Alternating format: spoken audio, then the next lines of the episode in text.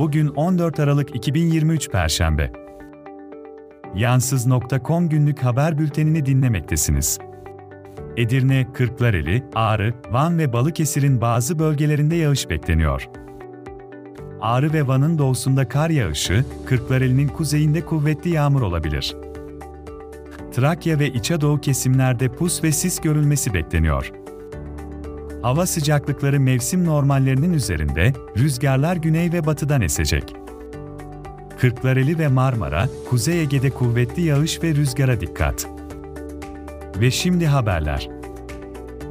Enerji ve Tabi Kaynaklar Bakanı Alparslan Bayraktar, Türkiye'nin 2016'dan bu yana devam eden yaz saati uygulamasının süreceğini ve kış saati uygulamasına geçilmeyeceğini açıkladı.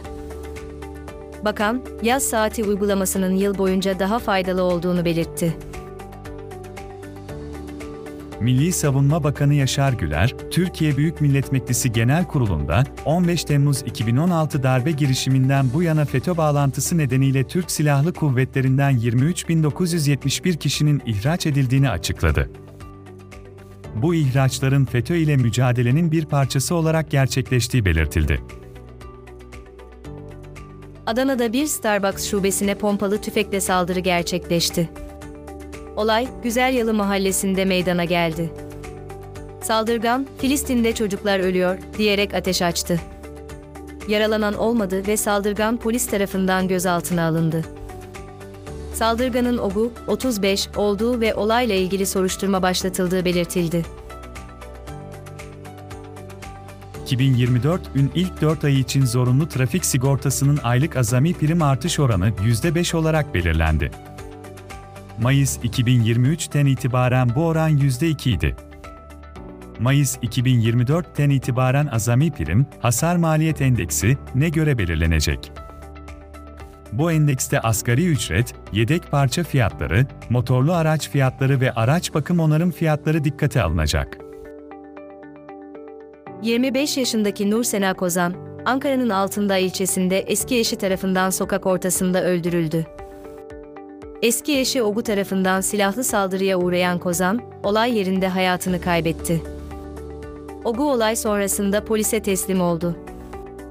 Kozan'ın eski eşiyle boşanma aşamasında olduğu ve daha önce şiddete maruz kaldığı belirtildi. Ekşi Sözlüğe milli güvenlik ve kamu düzeninin korunması gerekçesiyle erişim engeli getirildi. İyi Parti, İBB Grup Başkan Vekilliği görevine İbrahim Özkan'ı yeniden seçen 7 üyesini disipline sevk etti. Kesin ihraç talebiyle yapılan bu sevk, Özkan'ın Genel Başkan Meral Akşener'in istifasını talep etmesinden sonra yaşandı.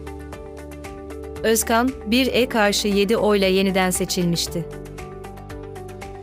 İyi Parti Genel Başkan Yardımcısı Ece Güner, partisinden istifa etti.